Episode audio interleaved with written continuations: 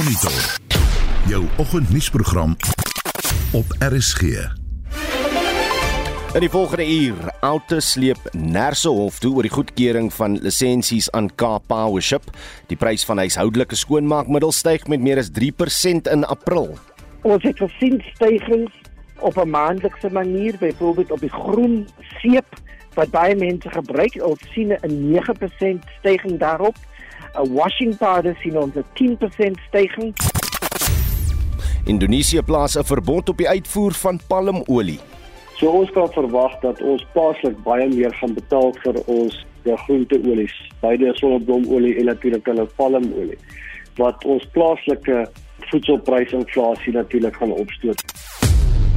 En dokter Willem Botha praat vanoggend oor die woord roesyn. Welkom by Monitor onder redaksie van Jean Estreisen, die produksieregisseur is Johan Pieterse en ek is Udo Karelse.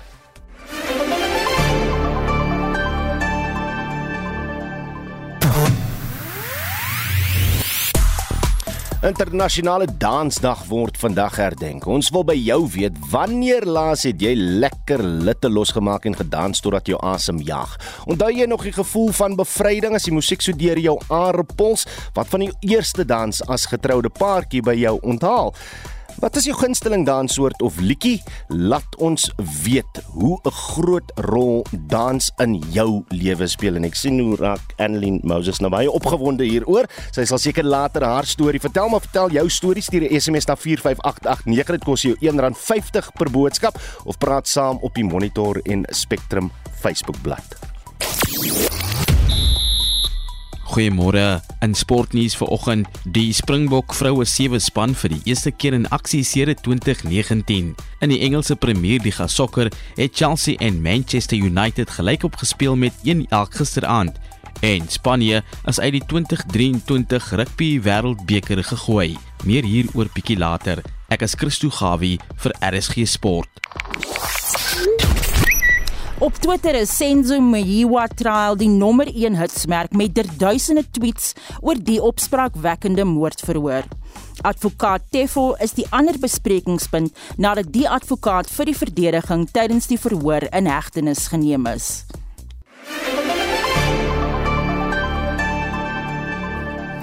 Indonesië het 'n verbod op die uitvoer van palmolie geplaas. Indonesië het die besluit geneem om plaaslike verbruikers teen stygende pryse te beskerm. 'n Landbouekonoom en die hoof van inligting en bemarking by FNB Landbou, Dawie Maree, sê die stap sal prysimplikasies vir die wêreldwye groenteoliemark hê. Die hoofrede hoekom hulle dit gedoen het, was as gevolg van die skerp stygings in internasionale voedselpryse was hulle uit die aard van die saak bekommerd dat inflasie en voedselinflasie in Indonesië self ook baie skerp gaan styg. En omdat hulle so groot rolspeler in die mark is, het hulle besluit om om dan die uitvoere te verban om hulle plaaslike inflasie dan eerder in toom te probeer hou. Want weet as dit nie uitgevoer word nie, dan sal die aanbod op die plaaslike mark hoër wees en dis behoort dit hulle plaaslike pryse dan nou bietjie af te druk in vergelyking met internasionale pryse. Nou Dawie, dit kan sekerlik nie goeie nuus vir ons sakke wees nie, nê? Nee? Ja, dit gaan natuurlik vir ons nie baie goeie nuus wees nie. As ons in ag neem dat Indonesië soos ek genoem het, is 'n groot rolspeler in die mark. Hulle is verantwoordelik vir so 35% van totale produksie wêreldproduksie van palmolie en dan van sonneblomolie is natuurlik Rusland en Oekraïne is vir 10%. So daai twee saam is natuurlik 'n baie groot rolspeler en albei sit nou met verskillende impakte. Die een is 'n uitvoerverbod en die ander een is ons is die konflik wat daar 'n rol speel. So ons kan verwag dat ons paaslik baie meer gaan betaal vir ons groenteolies, beide sonneblomolie en natuurlik hulle palmolie wat ons plaaslike voedselprysinflasie natuurlik gaan opstoot. Ons het dit oor die laaste paar maande alreeds gesien as gevolg van die skerp stygings maar ons kan verwag dat dit oor die kort en medium termyn nog verder gaan toeneem. Ons produseer plaaslik nie genoeg uh, byvoorbeeld sonneblomolie om die aan die binnelandse vraag te voorsien nie. Alhoewel die produksie die laaste paar jaar baie goed toegeneem het, is dit nog steeds nie genoeg om te voorsien in ons verbruik nie. Nou wat sal die impak wees in die langtermyn? Want ek dink dit kan seker 'n goeie geleentheid wees vir ons sonneblom boere. Dit is aan die een kant is dit voordelig natuurlik vir ons produsente, ons boere, veral vir die sonneblom manne, in die sin dat omrede daardie vraag van internasionaal so sterk is, word die pryse van die produkte natuurlik ook verhoog. En ook as gevolg van die konflik tussen Rusland en Oekraïne het ons 'n skerp stygings gesien in die prys van sonneblomme en natuurlik ook sojabone. So in daardie opsig is dit voordelig vir hulle. Ons het gesien dat sonneblompryse baie skerp gestyg het in die laaste paar weke en dit is natuurlik goeie nuus. Verseker ook die feit dat ons 'n goeie seisoen het.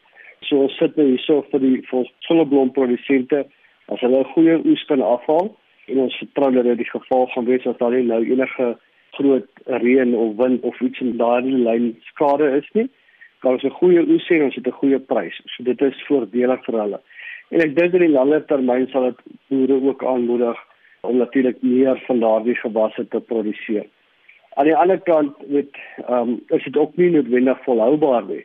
Ehm um, en kan dit met ons as as Indonesië weer begin uitvoer en en die konflik word uitgesorteer, dan kan ons verwag dat daardie pryse gaan weer weer gestabiliseer. Ons moet ook in ag neem dat ons boere met as gevolg van al hierdie ander goed ook te kamp het met skerp uh, stygings in insetkoste wat natuurlik hierdie produsent of hierdie produkpryse natuurlik nou weer 'n bietjie wegvreet. En dit was Davie Maria, landbouekonoom en die hoof van inligting en bemarking by FNB Landbou wat met Vincent Mofokeng gepraat het. Die gemiddelde koste van 'n huishoudelike kosmandjie het in April gestyg tot R4542,93. Volgens Mervin Abrams, die programkoördineerder van die Pietermaritzburg Economic Justice and Dignity Group, het die kosmandjie jaar op jaar met 8,2% gestyg. So as ons kyk nou op 'n jaarlikse persentasiestygings, dan sal ons sien dat die volgende voedselsoorte het gestyg met meer as 5%. Cakeflour het gestyg met 9%. Samp het gestyg met 12%. Kookolie het gestyg met 42%. Sout het gestyg met 5%. Aardappels het gestyg met 10%. Olie het gestyg met 6%. Frozen chicken stukke het gestyg met 13%. 250 gram tee het gestyg met 10% en dan natuurlik ook volkreem melk het gestyg met 5%. 60 eiers het gestyg met 12%. 2 kg hoenderlewers het gestyg met 20%. Dieselfde ook met beeflewers het gestyg met 21%. Beef het nou gestyg jaar op jaar met 13%. 2 kg vis het gestyg met 11%. Butternuts het gestyg met 18%. Bosse spinasie het gestyg met 13%. Twee koppe kool het gestyg met 8%. As ons kyk nou na byvoorbeeld 800 gram kremore, dit het gestyg met 16%. Ses blikkies tolchits vis, dit het gestyg met 12% ses blikkies canned beans het gestyg met 10%, 3 kg appels het gestyg met 20% en 1 kg margarine het gestyg met 13% en dan ook 2.5 kg polony het gestyg met 31%. 25 witbrode het gestyg met 8% en 25 breinbrode het gestyg met 9%. En as ons ook kyk nou na byvoorbeeld 900 gram appelkoesjam, dit het ook gestyg met 5% jaar op jaar. Dan Mervin, waar onderbestee mense nou vir kos om byvoorbeeld net die noodsaaklikes te kry?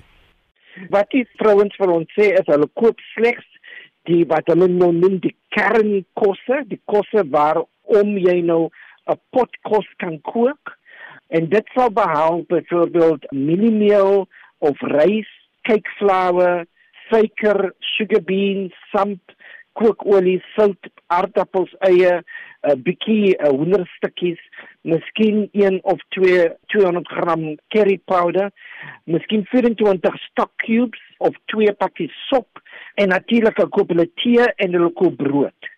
Nou, as ons nou net hierdie dinge bymekaar sit, dan sien ons klaar is dat dit die pryse daarvan in April maand is 2414 rand en 9 sent. Ons sal dan ook sien dat hierdie kosse bevat slegs starch nie eintlik die micronutrients wat ons gebruik om ons gesond te hou nie. Dit is slegs kos wat ons maag vol maak en dan voel dit asof ons iets geëet het. En nou die items vir ons persoonlike higiëne. Wat sê die indeks vir items so seep en sanitêre doekies ensovoorts? So as ons kyk byvoorbeeld op maand op maand het ons household domestic and personal hygiene index het gestyg met 26 rand en 44 sent en daardie paar goedjies kos nou omtrent 785 rand en 84 sent.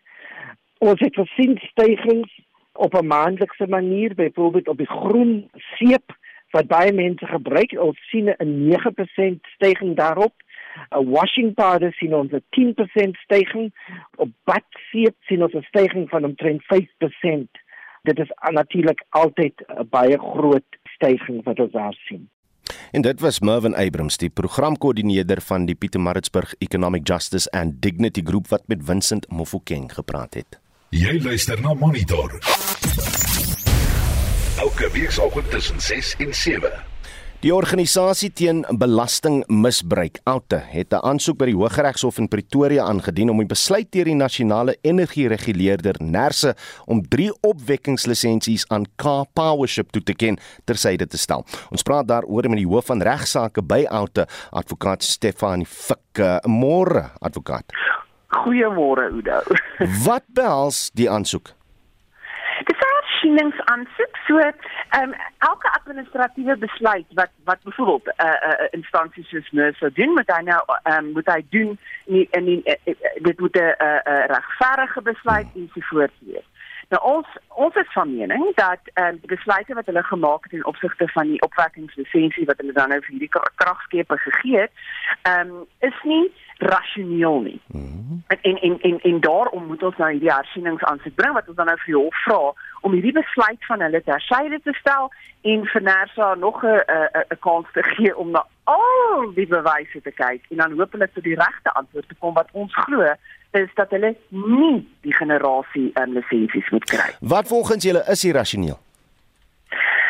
Dat hierdie hele ooreenkoms, hierdie hele kragskepe wat hulle in ons hawens wil kom park nie die regte besluit is nie. Dit dit dit is 'n 20 jaar ooreenkoms wat nog nooit gebeur het nie. Ja. Die skepe was nog altyd net gebruik in plekke waar daar rampe is. Met ander woorde, dit is absoluut 'n emergency situasie waar hierdie skepe ge, um, gebruik word. Nou wil hulle hulle kom um, parkeer hier by ons vir 20 jaar.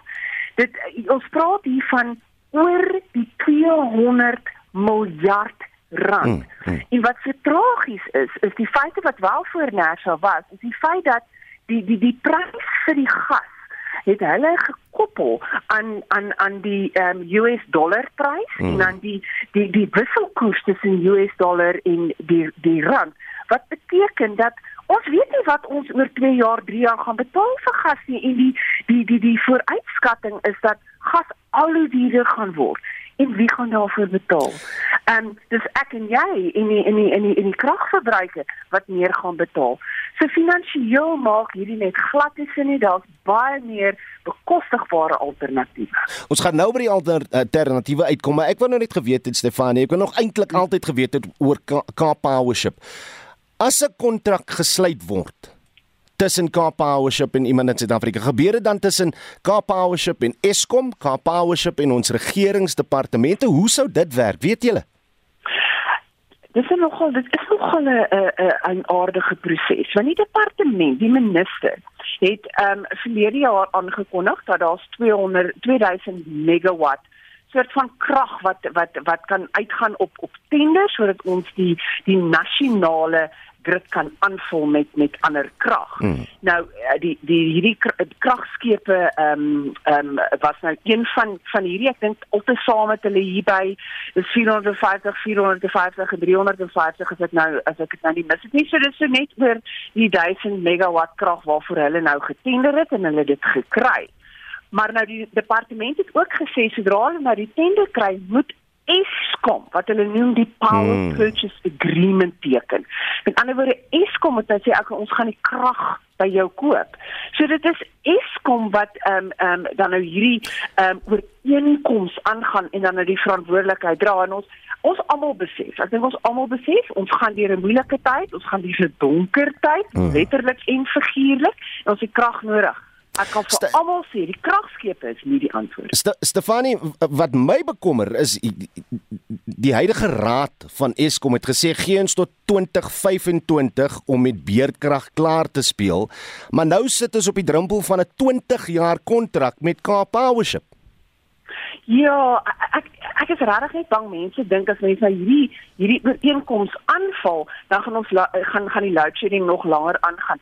Hierdie kragskep is regtig nie. Dit is nie 'n kwessie van jy gaan stop by die hawe ehm ehm ehm plak die die die skepe in Hmm. en daar is is is load shedding iets van die verlede nie. Wat die regering moet doen. Hulle besef daar moet meer um, kragopwekking wees en hulle moet dit makliker maak vir al hierdie al ander alternatiewe krag. Nou gaan as jy my gaan vra wat dink ek is die beste? Ek het geen idee nie, maar ek dink my logika sê vir my dis 'n dis 'n dis 'n kombinasie van solarenergie, van windkrag, miskien 'n bietjie gas. Maar die maar maar die die punt bly is dat die regering moet dit moeilik ma, eh, moet dit moontlik maak vir hierdie alternatiewe krag om deel te word van ons grid sodat Eskom wat met ou kragstasies sit en wat moet wegbeweeg van die tradisionele ehm um, ehm um, uh, kool um, om om om dan so meer energie op ons stelsel te kry. En dit was advokaat Stefanie Fik en sy is die hoof van regsaksie by Outa. 'n Senior beampte in die kantoor van die rektor en fisiekanselier van die Universiteit van die Vrystaat, professor Francis Petersen, het ten spyte van 'n seldsame siekte, 'n LLB-graad behaal. Nicoline Mookrafte is met die Arnold Chiari wanvormheid gediagnoseer. Volgens haar is dit 'n toestand waar breinweefsel na die ruggraat kanaal groei. Die kondisie se naam is Arnold Chiari malformasie. Ek glo nie dit is die regte Afrikaanse woord nie, maar dit is hoe ons mag hom praat van dit ek gediagnoseer is. En basies jou klein brein wat die cerebellum is, het gedeeltes wat deur jou skedel gaan. Dis 'n opening wat hulle noem die foramen magnum en jou brein sak uit buite daardie opening. En dan veroorsaak dit nou natuurlik 'n hoeveelheid komplikasies wat ek nou ervaar het en hoe ek nou op die punt gekom het waar ek gediagnoseer is. Hoekom het jy besluit jy moet dokter toe gaan? Pak my hardkop weg. Ek gaan nie ook nie sit my rukkie gevat om daar uit te kom maar omdat ek nie weet 'n manier het om te beskryf en dis ook dit aan die spesialiste ook beskryf het. Dit voel soos 'n vuurwerk wat begin in my nek. En dan voel ek hoe klim hy op en as dit by my kop kom dan ontplof dit. Dan sit dit vir 10, 15, 20 sekondes nog 'n intense pyn ervaring en dan hou hy op en gaan weg. Dit het al eens weer begin gebeur het, maar dit gebeur enigiets tussen 10 en 20 keer 'n dag op 'n goeie dag. Ek het die kopseer ervaar maar of nou gedink kopseer is mos maar eintlik normaal. Dit gebeur met mense, dis nou nie die einde van die wêreld nie, maar ek was in Richards Bay saam met vriende van hierdie jaar en ek swem nie in die see nie want daar's goed wat jy kan eet en hulle oortuig my toe nou kniehoogte kan jy inkom.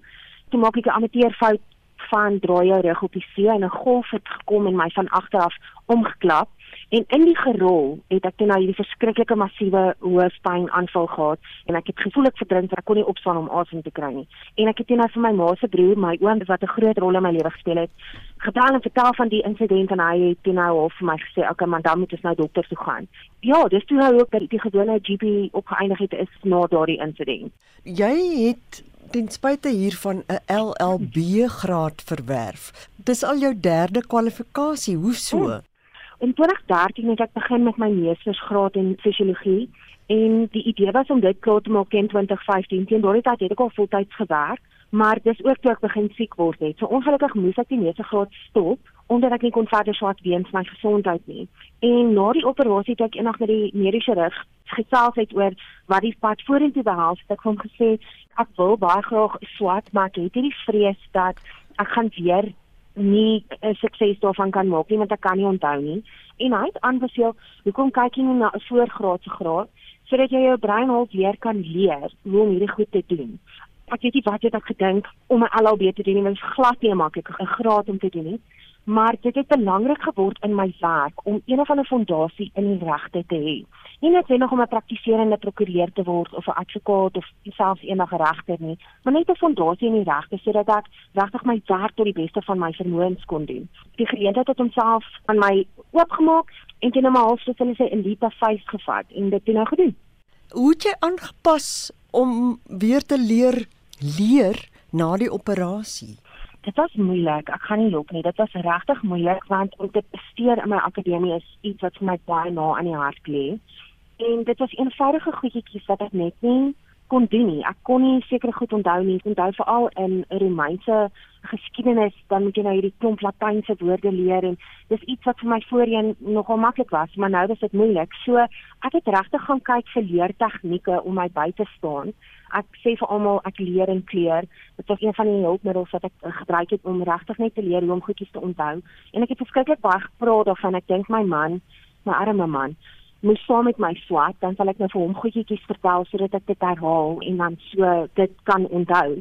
Maar dit was regtig 'n gefokusde poging en dit dan Nicoline Mookraft, 'n senior beampte in die rektor se kantoor aan die Universiteit van die Vrystaat wat aan Mitsi van der Merwe vertel het van haar deursettingsvermoë om 'n LLB graad te behaal na 'n ernstige breinsiekte. Jy luister na Monitor. Elke weekoggend tussen 6 en 7. In die hoofnuus gebeure, die 4de gedeelte van die sogenaamde staatskaping verslag word vandag aan die presidentskap oorhandig. 'n Virtuele media-konferensie vandag oor die toename in COVID-19 gevalle in Suid-Afrika. Suid-Afrika en Guinea-Bissau gaan hul handelsbande versterk. It is our hope that we will be able to explore further opportunities, Your Excellency, for investment by South African companies in Guinea-Bissau in areas such as agriculture, mining, energy, manufacturing, as well as infrastructure. En 'n missielaanval op Kiev in Oekraïne kort na 'n vergadering tussen die uh, president en die VN-sekretaris-generaal. Bly ingeskakel.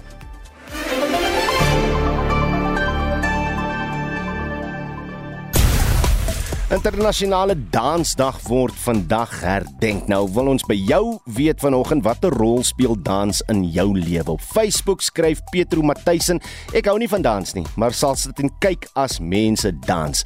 Clement Gertse sê ek nog pas naweek by my vriend se troue in Wuppertal, uh, 'n prenskraal goed reël gedans. Dan staan die stof so onder die mense op die plaas. Uh, Sorita Engelbrecht skryf: "Die reël dans." Uh, Marshall Matabata sê: "Dans is my passie. Ek hou van dans. So so sê net waar en ek is daar. En Rex Bester het ook op Facebook gesê geen belangstelling in dans nie, maar dans heeltemal lekker en geniet dit. Dan op die SMS lyn uh ek sien anoniem sê gesuit en getie en die mooiste rok het ons dames gedra en natuurlik die opgewondenheid as 'n hoërskooldogter die laaste dans, daai slow dance. En dan sê iemand uh, ook anoniem, môre van die lekkerste danse was die Suid-Afrikaanse Polisie diens offisiere funksie se danse met die orkes van Hansie Rood. Jy kon jou asem uitdans en almal het net so mooi gelyk. Uh, stuur gerus nog van julle terugvoer oor die gedenk van Dansdag. Jy kan 'n SMS stuur na 5588945 889. Dit kos jou R1.50 per boodskap. Jy, jy kan ook saampraat op die Monitor en Spectrum Facebook bladsy. Dis nou tyd vir sportnuus met Christo Gawie. Môre Christo, die uh, Springbok vroue sewe span is vir die eerste keer in aksie sedert 2019. Ja, goeiemôre Oudo, goeiemôre Suid-Afrika. Ons hoop en vertrou die Springbok vroue uh, rugby span sal natuurlik lekker dans later vandag want uh, Daar sal emosies in oorvloed wees wanneer die Springbok vroue sewes vandag die Mustafa Ben Janet Stadion in uh, Tunesië sal binnegaan om Senekal in hulle openingswedstryd in die rugby Afrika vroue sewes te pak. Afwagting, vasberadenheid, trots en eer sal onder daardie emosies wees wanneer die span vir die eerste keer sedert Desember 2019 in 'n internasionale wedstryd speel. Die vroue sewe span is reeds later vandag so net so na 12 na middag vandag teen Senekal is hulle in aksie en dan ook teen Zimbabwe net na 1 vanmiddag. Hulle is in groep A saam met Zimbabwe en Senegal en in groep B is Kenia, Uganda en Zambië saam terwyl Tunesië, Madagaskar en Ghana saam in groep C is. Ja, gisteraan was dit Chelsea 1, Man United 1 en soos Pieter de Villiers altyd sou gesê het, altyd dit.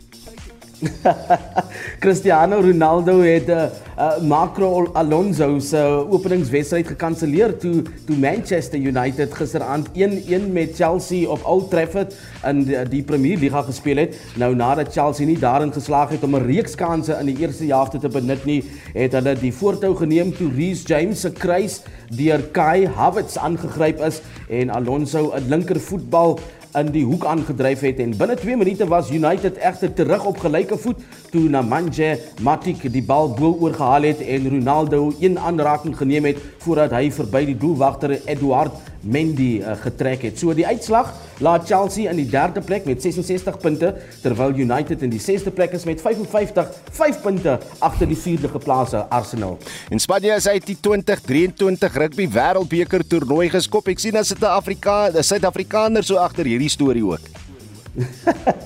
ja, Spanje is uit die 2023 uh, wêreldbeker uh, gegooi omdat hulle 'n uh, onbevoegde speler tydens die kwalifiserende stadiums in die op die veld opgebring het en uh, sal deur Roemenië vervang word. Het wêreld rugby gister het hulle dit aangekondig. Nou onderhewig aan Spanje se se reg van appel beteken die 10 punt aftrekking wat op die rugby wêreldbeker 2023 kwalifikasie um, lys toegepas word dat Roemenië as Europa 2 sal kwalifiseer en groep B wat Spanje vervang, lei die verklaring. Portugal wat Spanje geklop het om volgende jaar hulle plek in die wêreldwye pronkstuk in Frankryk te verseker, vervang Roemenië in die finale kwalifiseringstoernooi wat in eh, November 2022 hierdie jaar sal plaasvind. Uh, elke span wil 'n Suid-Afrikaner hê, Spanje die ou Gavin van der Berg gebruik en nou betaal hulle die prys. Dit was Christo Gawie van RSG Sport.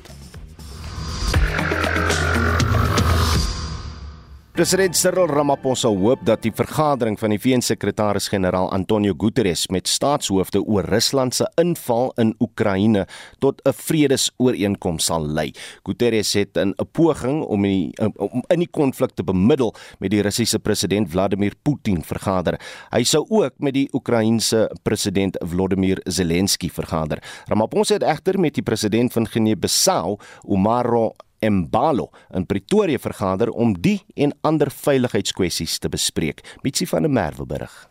President Cyril Ramaphosa is versigtig optimisties dat die pogings deur die sekretaris-generaal van die Verenigde Nasies sal lei tot 'n ooreenkoms tussen Rusland en Oekraïne. Ramaphosa het die VN gevra om in te gryp. I've had the occasion to speak to President Putin and President Zelensky and uh, their discussions and meetings is something that we believe is this, a step in the right direction. And in my discussions with them separately, I stress that it is through negotiations and dialogue that this conflict can be resolved. And we're really pleased that that is now underway, and we are hoping, wishing, and praying that it should lead to an agreement Die kwessie van veiligheid is ook bespreek. Guinea-Bissau se president, Umaro Embalo, het in Februarie vanjaar 'n sluipmoord ontkom tydens 'n mislukte staatsgreep. Embalo wil met Suid-Afrika saamwerk oor die veiligheidsuitdagings in sy Wes-Afrikaanse land. We emphasize that this runs contrary to the efforts to silence the guns on our continent. We also expressed our shared concern uh, the resurgence of unconstitutional changes of government in various parts of our continent. It is of great concern to both our countries that conflicts are continuing in several parts of the continent. It is our moral and political duty in our continent that we should work together with other member states, members of the African Union, to achieve an Africa that is free of conflict Ramaphosa sê ongrondwetlike verandering van regerings is nog steeds 'n struikelblok vir ontwikkeling in Afrika. President Embalo sê sy land sien uit daarna om saam met Suid-Afrika te werk, veral omdat Guinea-Bissau as 'n dwelmhandelspunt tussen Europa en Latyns-Amerika bekend is. Die twee leiers het onderneem om saam te werk in 'n poging om terrorisme op die kontinent uit te roei. I think this is very important to say Guinea-Bissau we have bad reputation for this issue on the past because if you see Guinea-Bissau we are far away from South America. Some of trafficking of drug before I became president, there was the, there was in Guinea-Bissau, but today I don't think if we have this pandemic in Guinea-Bissau. Die Taba Tsotetsi het hierdie verslag in Johannesburg saamgestel. Mitsi van der Merwe, SAK nuus. Sommige inwoners van Kirkwood in die Sondagsriviervallei munisipaliteit in die Oos-Kaap sê die betogings oor salarisverhogings deur plaaswerkers het 'n langdurige impak op die plaaslike ekonomie. Die werkers eis ook dat 70% van werknemers Suid-Afrikaners moet wees. Vincent Mofokeng het meer besonderhede. Dit is ongeveer 2 weke sedert betogings in die Sondagsriviervallei begin het en die impak op die plaaslike ekonomie word duidelik gesien ten minste 3 plaashuise was aan die brand gesteek. Een van die boere, Dr Henny Elers, sê die huidige stand van die ekonomie maak dit onmoontlik vir sommige plaaseienaars om aan werkers se eise te voldoen. Omtrent 70 miljoen rand se infrastruktuur is verwoes deur die betogers. Dit is nog steeds is dit besig om te gebeur sodat dit nog nie ophou nie, sodat kan maklik eskaleer na 100 miljoen rand, 120 miljoen rand toe. Vanaf die 1 Maart 2022 is 'n minimumloon van R23.19 afgekondig vir alle sektore in Suid-Afrika. As ons kyk na die oorlog in Oekraïne en Rusland op die oomblik, 20% van ons vrugte word uitgevoer na Rusland toe wat ons op die oomblik nie kan doen nie. Die eh, koste van logistieke koste oor see vir die verskeping van die vrugte het meer as verdubbel en al die ander koste eh, maak dit vir ons onmoontlik om die minimumloon te verhoog. Sakeondernemings in die dorp het al deure gesluit om eiendom te beskerm en inwoners begin die knyp voel. Ek het verlede week donderdag en vrydag nie gewerk nie. Saterdag en sonderdag het ek welkom werk om kyk om sonderdag 'n bietjie ure op te maak vir die dae wat ek nie gewerk het nie. En maar maandag, dinsdag en woensdag toe kon ek alweer nie kom werk nie. En hoe voer 'n mens jou jou gesin by die huis? En ek het werk nou vandag en gaan nou môre op kom werk. Dit hang af van die protesaksie. The podcast has affected us in uh, most ways because some of us are coming from different places and now we need cash. So we came with some little bit of money, now we out of food. So we need food in order for us to survive. We need work. So it must stop. It's either they give us what you want or we work. Die Sondagsriviervallei munisipaliteit se burgemeesterskomitee lid vir veiligheid en sekuriteit, Karen Smith vra vir kalmte in die gebied. Op die oomblik wat een van my groot bekommernisse is, is dat werkloosheid in ons vallei is al klaar baie hoog. As die onwettige optrede aangaan, gaan die werkloosheid net nog meer vermeerder en dit is 'n groot bekommernis vir my. Wat ek ook gebeur het van gister af, is dat lede van die gemeenskap in Moses Mabhida my bel en vir my sê dat hulle het nie meer kos in hulle kaste nie, dat al die winkels is leeg en dat hulle nie toegelaat word om dorp toe te kom om inkopies te doen nie. Dit is heeltemal onaanvaarbaar. Ons kan nie toelaat dat ons gemeenskap honger ly nie en ek pleit met die gemeenskapleiers, met die organisasies en ons gemeenskap om asseblief aan te hou om te praat om 'n oplossing te kry vir die groot probleem waarmee ons sit. Die burgerlike organisasie Sanko sê intussen die betogings is vir 14 dae opgeskort sodat onderhandelinge kan plaasvind. Die verslag van Lando Nomoi in Kirkwood. Ek as Vincent Mufokeng vir SAI Garnis.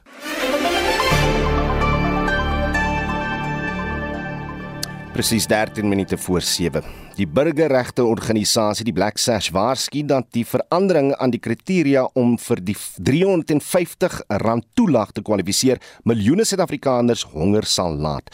Die toelaag gaan nou ingevolge die wet op maatskaplike bystand uitbetaal word omdat die nasionale ramptoestand opgehef is. 'n Nasionale voorspraak bestuurder by die Black Sash, Huda Abrams Faker, verduidelik hoekom die toelaag belangrik is. With the latest iteration after the State of the Nation address, the President extended it for another year from April from this month until March 2023. So Black Sash welcomed this announcement because we've been advocating for the extension of the grant precisely because at the moment we're experiencing the highest unemployment. Although there is the plan by government for job creation, it's still going to happen. And in the meantime, what are the unemployment going to do in terms of surviving? And so, therefore, this SRD grant is really a lifeline for the unemployed to be able to pay for food.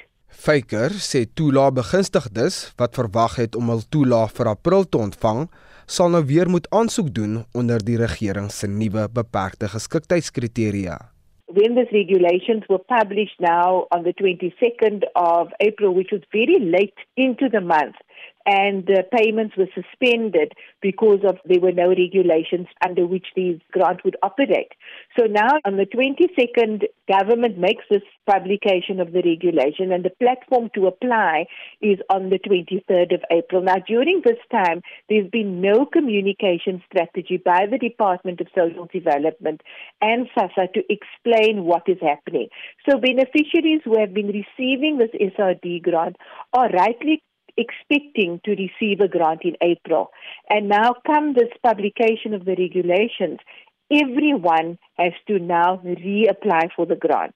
Die Black Sash het verder die regering gekritiseer omdat volgens die regulasies die voedselarmoedelyn van R624 tot R350 verminder is wat beteken dat mense nou slegs die toelaag kan ontvang as hul inkomste minder as R350 per maand is. But now, under this new grant, what is what is a grave concern is that they've reduced the means test. So, in other words, you need to earn less than 350 rand to be able to qualify for this grant. In the previous regulations under the state of disaster, you had to earn less than 595 rand, which is a significant difference, and which would mean that if you earn 351 rand, you will not qualify for this grant now. Dit was Huda Abrams Faker, 'n nasionale voorspraakbestuurder by die Black Sash. Ek is Vincent Mufokeng vir SAI Garnis. Hupstoot vir SA Rosyne skepposte het 'n opskrif in een van ons koerante van dese week gelei. Dr Willem Botha van die Woordeboek van die Afrikaanse taal praat derhalwe vanoggend onder meer oor hupstoot en rosyn. Môre Willem, wat is die storie agter die opskrif? Môre Oudo.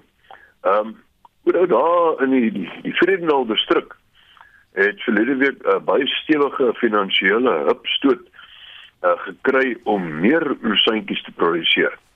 'n Noorse finansierder ehm uh, het 'n belegging van 120 miljoen rand in Redsan gemaak, die onderneming uh, wat rosyntjies produseer en dit sal in staat stel om 'n nuwe aanleg in Vredendal op te rig. Nou dit beteken net meer werk vir meer mense. En uh, dit sal hulle ook in staat stel om wêreldwyd uh, rosyntjies en pekanneute van goeie gehalte te voorsien. Dis natuurlik nie 'n daad van liefde nie, hmm. want uh, ons geldeenheid is mos nou swak, so 120 miljoen is vir hulle waarskynlik so 7, 8 miljoen van hulle eenheid en as dit nou goed gaan kan hulle so 1000% wins maak. Nee, fantastiese storie uh, albei Bata van maar maar waar kom die woord hupstoot vandaan?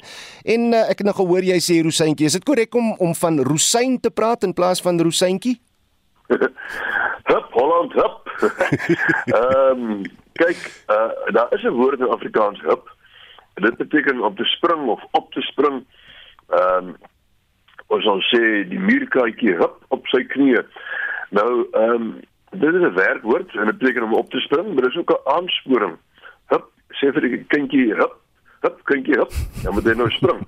Nou as 'n ou spreekwoord as die Satan sê hup, moet die duiwel dans. Ehm um, en natuurlik die Hollanders gebruik dit nog daagliks. Hulle moedig hulle sokkerspan aan deur te sê hup, Holland, hup. So dis 'n baie interessante woord, maar die die hup stoot is eintlik 'n rugbyterm in Afrikaans. Dit bestaan nie in ander tale nie. En dit is 'n kort, kragtige stoot ehm um, deurdat die voorspelers van die een span op die oomblik dat die bal gehak moet word, gelyktydig net hulle bene reguit maak. Dis 'n hup stootjie. Jy gaan nie probeer om vorentoe te te stoot deur jou tree te gee nie. Jy net so een reguit maak ehm um, van die knie, van die bene. Hmm. En ons kan dit ook figuurlik, dis wat hier gebeur. Uh figuurlik is dit iets ehm um, wat iemand merkbaar laat vooruitgaan. Jy gee hom so 'n ekstra inspuitingkie. Rosyn, nou ja, ehm um, as jy die, die Woordeboek van Afrikaanse taal rosyn naslaan, dan word hy na rosyntjie verwys. Met ander woorde, rosyntjie is meer gebruiklik as rosyn. Maar daar's niks fout met rosyn nie, maar baie min van ons praat van 'n rosyn, ons praat maar almal van 'n rosyntjie. Hmm. En dit was Dr Willem Botha, die uitvoerende direkteur van die Woordeboek van die Afrikaanse taal. Sou jy 'n woord wou borg of koop, besoek net www.wat.co.za of Google borg 'n woord. Nou soos ons reg aan die begin van die program gesê het, internasionale dansdag word vandag gevier. Dit is 'n dag wat poog om mense meer bewus te maak van die waarde en belangrikheid van dans as 'n vorm van kuns en terapie in ons samelewing. Die inisiatief is in 1982 deur die Danskomitee van die Internasionale Teaterinstituut begin en word deur die Verenigde Nasies se Organisasie vir Kultuur UNESCO ondersteun.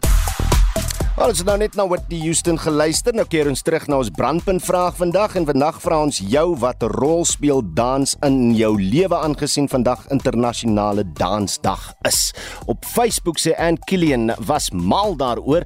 Boermusiek was die lekkerste danse alhoewel disco danse heeltemal maklik bemeester is en lekker was, was boeredans of boeredanse die beste. Susie Carotto sê, "Ai, hoe lekker was die two-step in die koshuis gange." Mooi herinneringe, dis waar ek leer dans het. Mary Ann Jonker skryf ek hou van dans en my gunsteling dansliedjie is Partytyd uh, Partytyd van Kurt Darren. Uh, Chrissy van der Merwe skryf ballet is mal oor ballet. Hou ook van wals vernaam as dit met balrokke op Strauss musiek gedoen is. En dan sluit ek net af met een of twee SMS'e. Uh, Lorraine sê ek is mal oor dans en dans daagliks in my kombuis en leefarea, maar heel laas het ek nie 'n dansmaat nie. Ai shay man.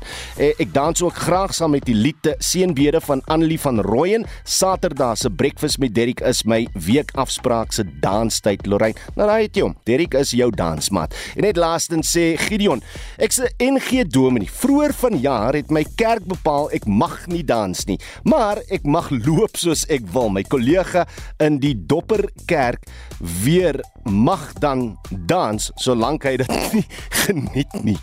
Stuur gerus nog van julle boodskap as uh, boodskappe asseblief op SMS 45889. Dit kos jou R1.50 per boodskap of jy kan saampraat op die Monitor en Spectrum Facebook bladsy.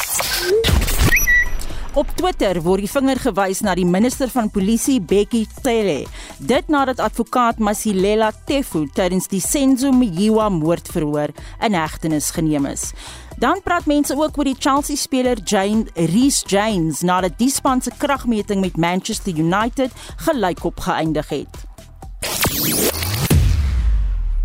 Wel, dan groet ons vir Oulas uh, namens ons waarnemende uitvoerende regisseur Hendrik Maten, uh, die redakteur vanoggend is Jean Esterhuizen, die produksieregisseur is Johan Pieterse en ek is Oudo Karel. Se bly ingeskakel vir Op en Wakker, RSG se ontbytprogram tussen 7 en 9. Totsiens.